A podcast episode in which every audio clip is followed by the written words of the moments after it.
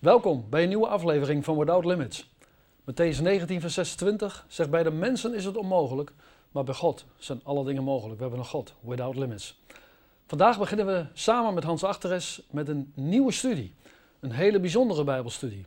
Ook een pittige Bijbelstudie. Het gaat namelijk over de hel.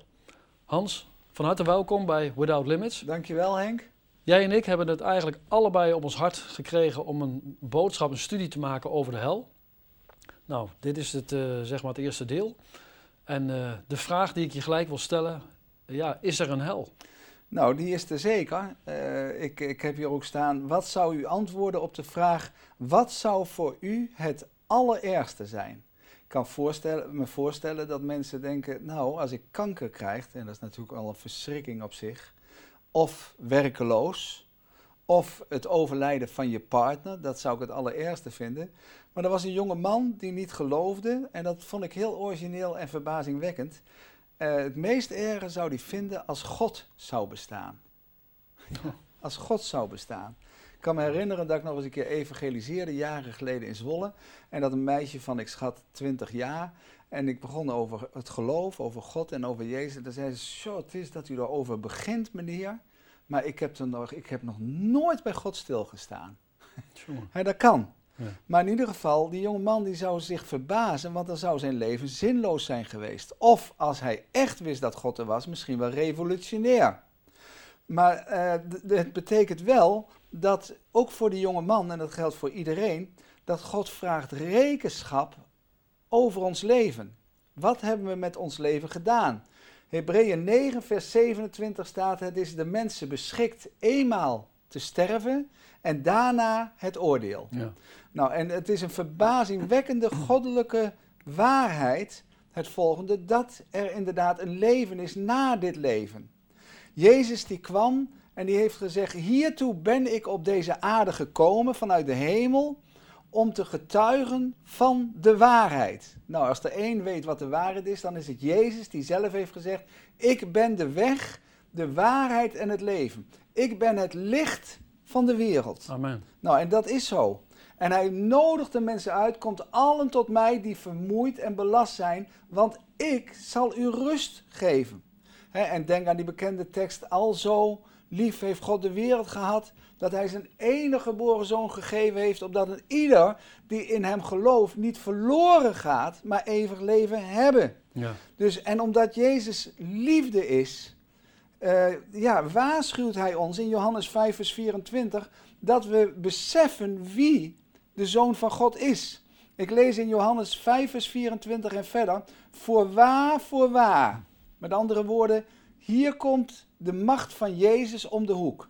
Ik zeg u, wie mijn woord hoort en hem gelooft die mij gezonden heeft, heeft eeuwig leven en komt niet in het oordeel. Wat een voorrecht. Hm. Want hij is overgegaan van de dood in het leven. Maar nou komt de andere voorwaar, voorwaar. Voorwaar, voorwaar, ik zeg u, de uren komt en is nu dat de doden, maar dan ook alle doden, naar de stem van de Zoon van God zullen horen en die naar haar horen zullen leven. Want gelijk de Vader leven heeft in zichzelf, heeft hij ook de Zoon gegeven leven te hebben in zichzelf. En hij heeft hem macht gegeven om gericht te houden, opdat hij de Zoon des mensen is. Verwondert u hierover niet. Dus ook mensen die niet verwachten dat God er is en God bestaat en dat er een leven is na dit leven, zullen zich allen gaan verwonderen. Jezus zegt, verwondert u hierover niet, want de uren komt dat allen die in de graven zijn, naar zijn stem zullen horen. Nou, dat is nogal wat. Ja, inderdaad, ja. ja. Het is overduidelijk dat er een leven na de dood is. Ook al is je lichaam begraven, vergaan, of gecremeerd, of hoe dan ook. Het is een feit. Ja, het is een, uh, de mensen zullen ontwaken, ze zullen opstaan uit de dood. Uh, ook is het, is het lichaam verbrand, ook is het vergaan, ook is het een zeemanschaf. Het zal gebeuren. Ze zullen allen horen, de doden, naar de stem van de Zoon van God. En Jezus zegt, die opstanding uit de doden zal het werk zijn van engelen. Zowel de gelovigen, die worden al direct opgenomen. Daar kom ik natuurlijk in de loop van de tijd even op met de studie. Maar ook uh, de, de ongelovigen zullen door de stem van God, door middel van engelen, gewekt worden. Ja. En omdat Jezus liefde is, gaat hij de mensheid ernstig waarschuwen. En dat wil ik wel eens lezen in Matthäus 13, vers 40. Voor dat er na het graf uh, dat er wat achter het graf zit. Dat er nog een leven is na dit leven. En hij zegt in Matthäus 13, vers 40, en ik lees het even voor Henk. Ja. Daar staat, zo zal het gaan, zo zal het gaan bij de voleinding van de wereld. De Zoon des Mensen zal zijn engelen uitzenden en zij zullen uit zijn koninkrijk verzamelen al wat tot zonde verleidt en hen die de ongerechtigheid bedrijven, en zij zullen hen in de vurige oven werpen. Daar zal het gehuil zijn en het tandengeknars. Dan zullen de rechtvaardigen stralen als de zon in het koninkrijk van hun vader. Wie oren heeft, die horen. Niet alleen dat u kijkt, maar die oren heeft, die horen. Om kort te zijn, voor de gelovigen in Christus is het fantastisch. Ze zullen stralen als de zon. Maar voor de mensen die ongelovig zijn en God bewust de rug hebben toegekeerd, is het vreselijk. Nou, dat zegt de Heer hier eigenlijk. Dus uh, voor de gelovigen in Jezus Christus is het onderwerp de hel nog het minst moeilijk. Het minst moeilijk, dat is zo, hè? Ja. Maar, maar omdat ze weten, er is toch meer, en zoals een lied zegt, nu jaagt de dood geen angst meer aan, want alles, alles is voldaan. Paulus zegt ergens, we hebben goede moed, want we verlangen zelfs om, om het verblijf in het lichaam te verlaten, opdat we altijd met de Heeren zullen zijn. dat is toch mooi, hè? Dat staat in 2 Korinthe 5, vers 8. Maar de ongelovigen, ja, dat, dat, die moeten gewaarschuwd worden. Natuurlijk wij ook als christenen, om niet te verzwakken en te verslappen. Ik bedoel, Henk, het volgende. Als je wandelt met je hondje s'avonds om 11 uur en het is donker en daar is een alleenstaand huis en er is brand gelijkvloers en je ziet dat, dat er een beginnend vuur is en je ziet dat de gordijnen dicht zijn, alles is dicht, de mensen slapen, echt, echtpaar is boven. dan probeer je alles wat in je is, dat je zegt vuur, vuur, word wakker. Je schreeuwt het uit, weg, voordat het te laat is. Vluchten en noem maar op. Nou weet ik wat je doet, maar je waarschuwt hun. Het is de liefde van God. Het is de liefde van Christus. Het is de liefde van Jezus dat Hij ons waarschuwt. En dat is geen grap waar wij het nu de komende drie afleveringen het over hebben. ik weet dat dit beeldspraak is over de hel maar in ieder geval, er zijn twee bestemmingen. Of men gaat naar de hemel, of men gaat naar de hel. ik bedoel, als wij onze hand verbranden, mij is het nog nooit gebeurd, lijkt een verschrikking, lijkt me dat, pijnlijk. Maar omdat Jezus liefde is, wil hij ons waarschuwen. Net zoals de KNMI. Ik bedoel, je kunt uh, smiddags in de tuin zitten en het is mooi weer. Maar er kan een wervelstorm komen, noodweer, want de KNMI heeft het gezegd. Dus je denkt, akkoord, ik zit hier wel, maar pas op, straks komt er wat ergs over me. Nou, zo moet je het zien. En Jezus is eerlijk, is altijd eerlijk. Ja. Kun je zeggen dat uh, de hel een uh, consequentie is van je keuze? Ja, de vraag of de opmerking die ik wil plaatsen is: waar reis jij heen? Waar reist u heen? Waar reis ik heen? Uh, dus net zoals een vliegtuig. Een vliegtuig heeft een bestemming. Een vliegtuig heeft een doel. En omdat Jezus liefde is, noemt hij het kwaad kwaad. Hij, hij, hij, Jezus is iemand die is, die is eerlijk, want hij is God.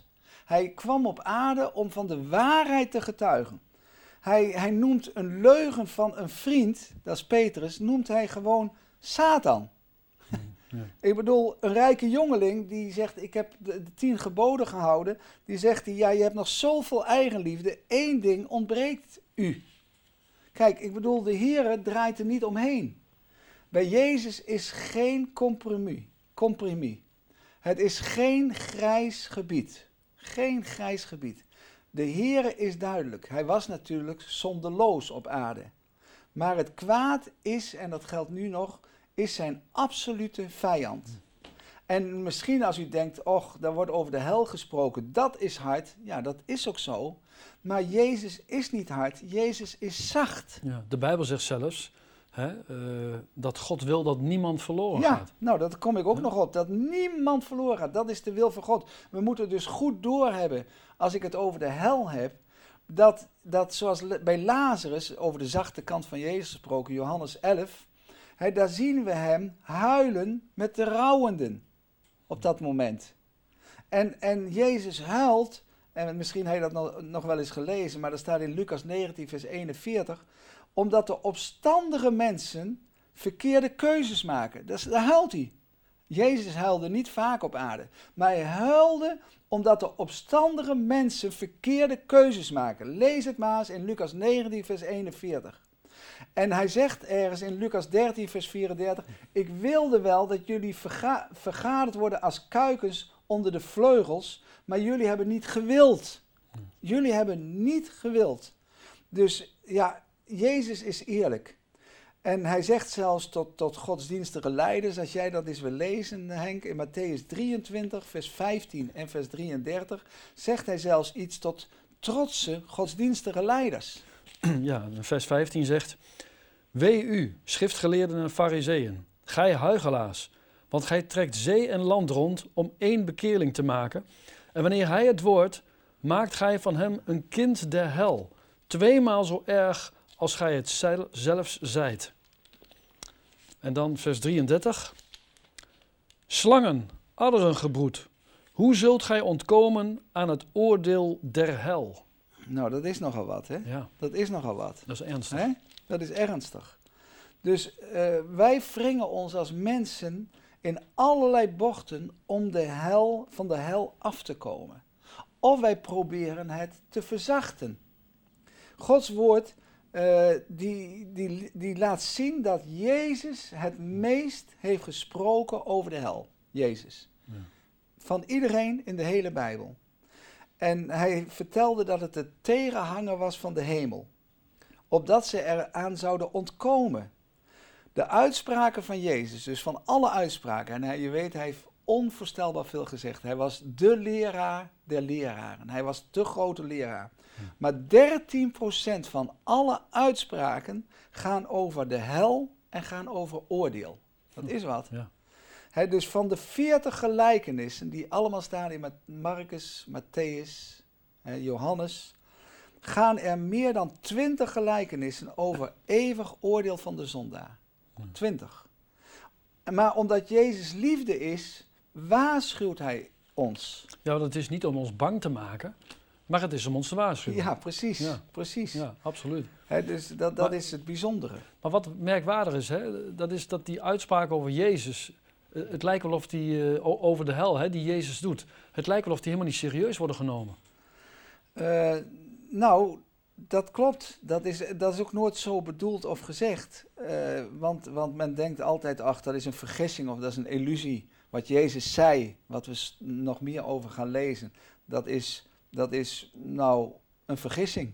Ja, ja. Eh, kijk, wij willen alleen maar het zoete en het aangename. Maar, maar Jezus, die is duidelijk. Bijvoorbeeld in Matthäus ken je wel de zaligsprekingen. Zalig zijn de armen van geest. Zalig zijn de zachtmoedigen.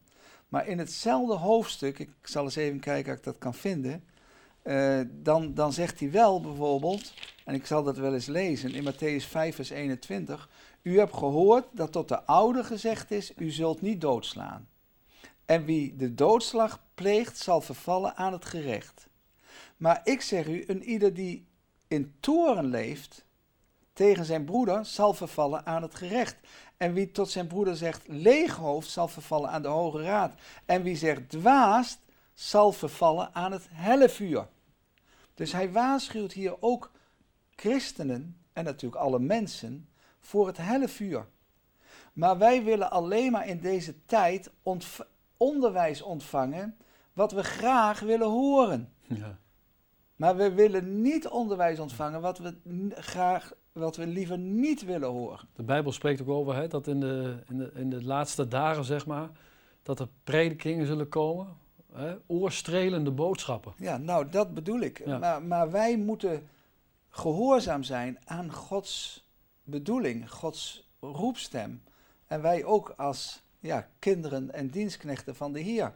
Maar omdat Jezus liefde is, wil hij niemand naar de hel sturen. Maar zette God het kruis van Golgotha daar, daartussenin. Ja. Om ons niet naar de hel te sturen. En wij zijn geen robots, Henk. Uh, dus het is een eigen keuze. Dat is zeker. Ja. Maar de hel is een realiteit en het is ook een bestaande plek. Omdat Jezus liefde is, sprak hij met grote bewogenheid. En luister, eh, eh, of als jij dat wil lezen, Henk, Lucas 12, vers 4 en 5. Ja. Dat ik hoop dat we allemaal zullen luisteren wat Henk voorleest. Want hij, Jezus, was de grootste prediker. Ja, daar staat. Ik zeg u, mijn vrienden, vreest het niet, die het lichaam doden en daarna niets meer kunnen doen. Ik zal u tonen wie gij vrezen moet. Vreest hem die, nadat hij gedood heeft, macht heeft om in de hel te werpen. Voorwaar, ik zeg u, vreest hem. Dat is een hele ernstige tekst. Ja, ja, dat is. Ja. En dan zegt hij nog wel, mijn vrienden. Zie je dat hij zegt, het is bewogenheid. Het is liefde. Van pas op, vrienden. En ik denk dat hij het ook zo tegen de mensen zegt. Want al zo lief heeft God de wereld gehad. Vrienden, pas op dat je daar niet in terechtkomt. Want het is een realiteit, het is een werkelijkheid. Ja. toch, toch vinden de mensen de hel achterhaald. het spreekt hen niet aan. Kun je er iets over zeggen? Ja, nou kijk, eh, toch moeten we oppassen. Uh, God heeft gezegd in Johannes 17, vers 17: Uw woord is de waarheid. En ik weet wel, tegenwoordig adverteren we, als je met mensen spreekt, God bestaat niet. Maar we komen op een gegeven moment oog in oog voor de grote witte troon met de bestaande God. En dan zal het schaamrood op onze kaken staan, want Jezus leeft hij is dood geweest, maar hij is opgestaan uit de dood. Hij was zoon des mensen, maar hij is zoon van God. En de begrippen die Jezus noemt, zijn erg. Als hij het over de hel heeft, geeft hij te kennen, het is geen heropvoedingskamp. Het is geen varenvuur, dat kom je nergens in de Bijbel tegen. De begrippen die Jezus noemt, heeft het over eeuwig vuur. Eeuwig vuur, onuitblusbaar. Zwavel, en het brandt er. Het is een hete oven. Het is de, de uiterste duisternis. Er is rook. Je krijgt last van je geweten, want de worm zal daar knagen. Er zijn geen rustgevende middelen. Ik bedoel geen pilletje bij wijze van spreken. Je zegt, dan krijg ik verlichting. Geen licht. Totale godverlatenheid. Tandengeknars. Ergernis en spijt. Men komt totaal in de hel los van God. Ellende zonder genade. En ik weet, er is geen afgeronde beschrijving, want Jezus spreekt in symbolen, maar het typeert wel. Er, is, er wordt gehuild zonder troost. Er is, zoals ik al zei, ellende zonder genade. En waarom? Welke mensen komen daar? Omdat ze bewust het licht, het licht en de waarheid van God afwijzen. En dat is ernstig. Ja, ja. Gods bedreigingen zijn echt. We zien dat ook in het Oude Testament bij bijvoorbeeld Adam. God had gezegd, als je van die boom eet, zul je voorzeker sterven. en dat is ook gebeurd. Adam is gestorven en ook daarna alle mensen sterven. op, op twee mensen daar die, die opgenomen zijn. Maar dat is, dat is we moeten God serieus nemen. Ja, er is geen uitzondering. Iedereen is gestorven op grond van dat God al zei, als wij nemen van die vrucht van die boom, dat was een gebod, en we zondigen, dan zal ieder mens sterven. Nou, tot nu toe, behalve Lau de Palingboer geloofde dat hij eeuwig leefde, maar dat was ook een misser. maar, maar iedereen sterft. Het is de hel of, of geen hel. Dat is inderdaad de waarheid. Bij God zelf is er geen discussie. Hij is de scheidsrechter. Maar mensen zullen, als ze hier naar luisteren, denken: ja, Hans, uh, kijk wat je vertelt en wat je wil vertellen, dat komt bij mij onmenselijk over. Afschuwelijk. Dat is een angstevangelie. Dat heeft een negatieve klank. Er komt huiver over me als je over de hel spreekt. Alleen de, het woord al. Het is respectloos als je erin gelooft. Hè? Maar, en, en sommigen zullen zeggen, het maakt me verward. De hel maakt me bang, ik huiver. Het is gruwelijk. En dat is ook zo. Het is angstaanjagend. En het roept emoties op. Zeker. Maar omdat Jezus liefde is, zegt hij dat deze aarde is een generale repetitie. Wij lopen een wedloop op deze aarde. En het hart van de evangelie geeft aan, attentie, attentie. Als je blauwe lichten ziet in de avond en het is donker, dan word je alert. Zo wil de Heer ook ons waarschuwen. Pas op. Hij laat ons weten op grond van Gods woord dat God liefde is. Hij is geen sadistische God. Terwijl de, de, de, de beelden wel onvoorstelbaar angstaanjagend zijn. Ja, ja. Jouw bedoeling, Hans, hè, is, uh, en ook mijn bedoeling natuurlijk, hè, om mensen wakker te schudden eigenlijk. Hè, zo zouden we het kunnen zeggen. Ja. Want er is ontzettend veel onwetendheid, Ja, omdat er ook bijna niet over gesproken nee, wordt. Absoluut. Het is onze wens eh, dat uw ogen geopend worden. Dat wij daarvoor bij de afleveringen instrumenten van God zijn. 2 Petrus 1 vers 19 zegt, en dan denk ik aan de hel, dat als je duidelijkheid geeft, het is als een lamp die schijnt in een duistere plaats. Wat is er wat duisterheid, wat is er wat onwetendheid, wat is er wat duisternis over kennis van de hel. Maar die teksten die over de hel gaan, die hebben een enorme rijkwijde.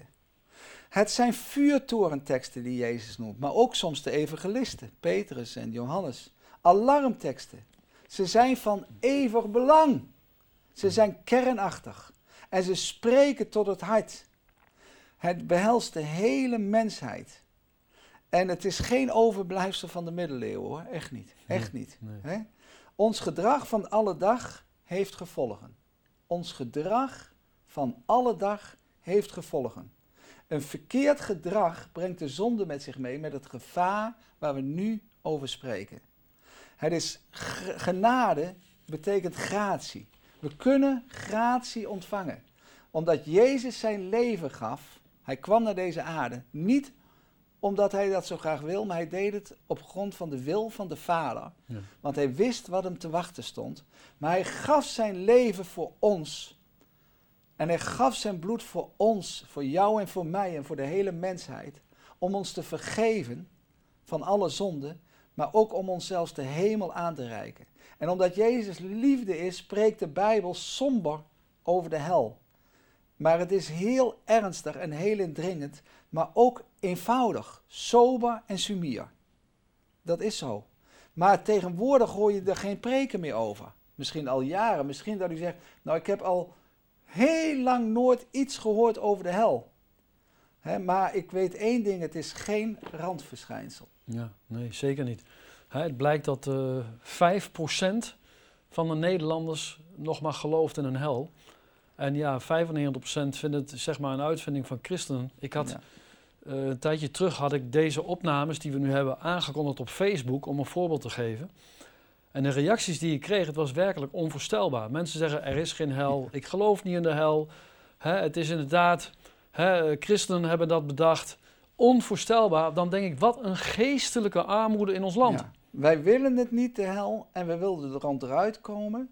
En het strijdt ook die dingen die ik net genoemd heb of voorgelezen uit de Bijbel, jij of ik.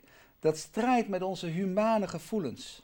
De alverzoeners, dat zijn mensen die willen dat iedereen in de hemel komt, Ja. zeggen we komen allemaal in de hemel. Ik heb natuurlijk een, talloze begrafenissen meegemaakt, maar ze zijn allemaal positief gestemd.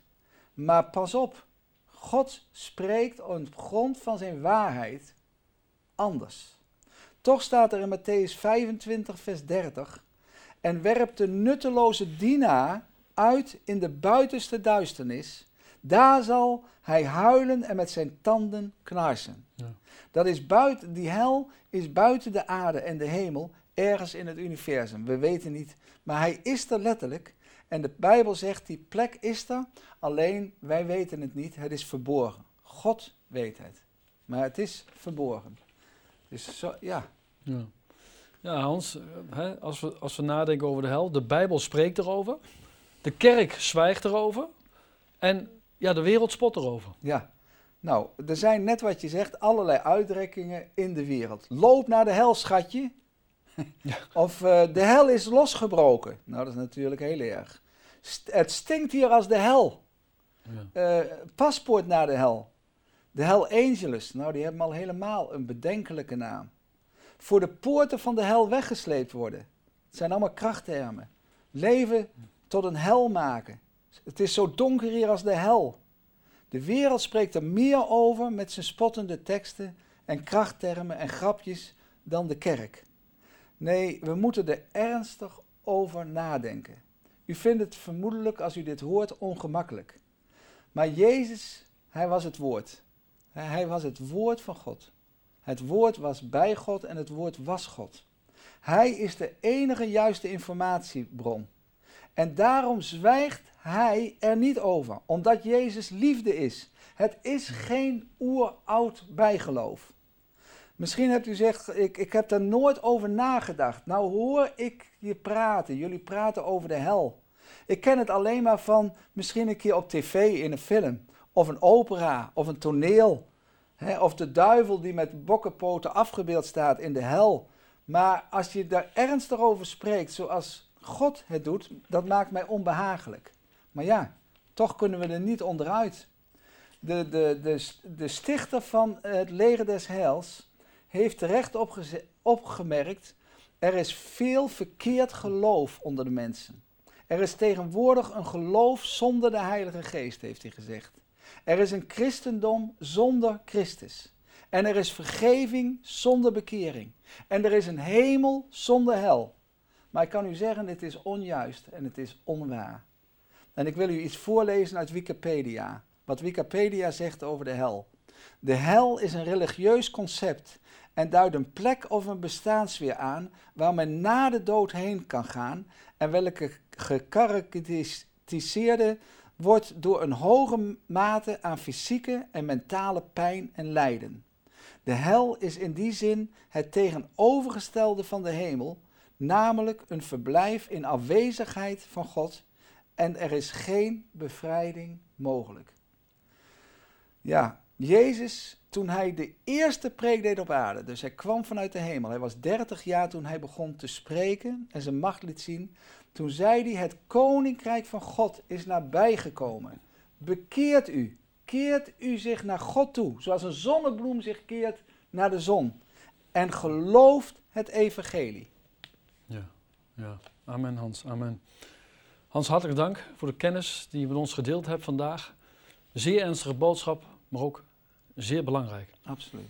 Hartelijk dank voor het kijken naar deze aflevering van Without Limits. Ik kan me voorstellen als u vragen heeft, eh, die kunt u natuurlijk kwijt in de, in de kerk waar u komt, maar u kunt ons, ook Hans of mij, een e-mail sturen. En dan geven wij u graag antwoord. Volgende week gaan we verder met deze serie over de hel, deel 2. En dan gaat het over wie gaat er naar de hel.